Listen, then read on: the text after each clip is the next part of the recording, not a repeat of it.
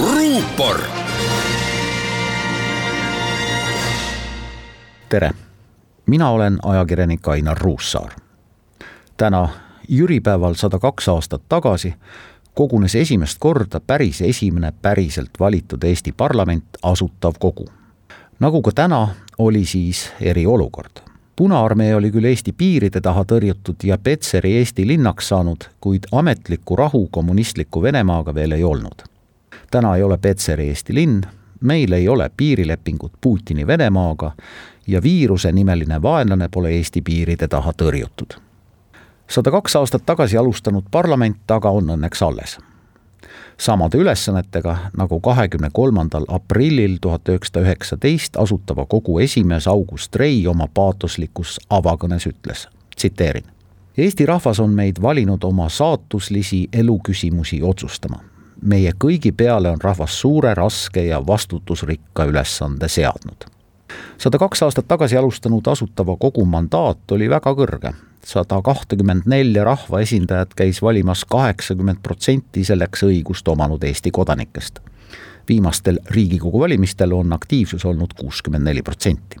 Asutav kogu kinnistas Eesti ajalukku sellised nimed nagu Aado Pirk, Konstantin Konik, Hans Kruus, Mihkel Martna, Johann Pitka, Jaan Poska, Konstantin Päts, Johannes Semper, Jaan Tõnisson, Jüri Uluots, Jakob Westholm ja paljud teised samamoodi nagu on tänane Riigikogu ja eelmised parlamendid kinnistanud Eesti ajalukku paljude meie elu korraldanud poliitikute nimed või siis saatnud nad unustusse. Asutava kogu esimene juht August Rei oli advokaat, tollaste sotside juht ja üks peaideolooge.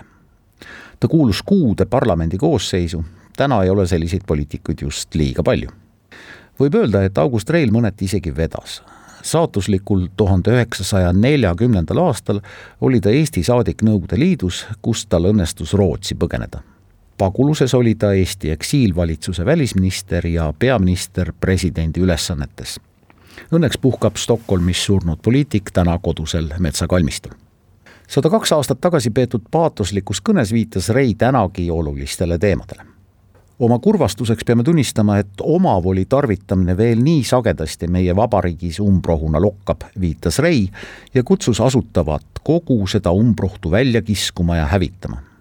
seda umbrohtu pole siiani lõpuni välja kistud ja hävitatud, aga eesmärgina peaks see endiselt olema meie kõigi teadvuses sada kaks aastat tagasi ütles Rei, et põhjalikult ringi vaadates ei leia me, tsiteerin, ühtegi väikest nurgakest, kus mitte põhjalikud uuendused tarvilikud ei oleks. justkui oleks Rei pidanud oma kõne täna, mitte sada kaks aastat tagasi.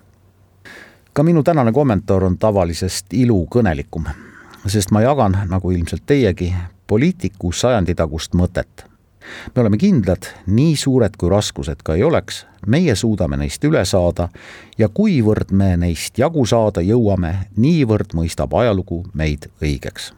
ilusat Jüri Kuu viimast nädalavahetust.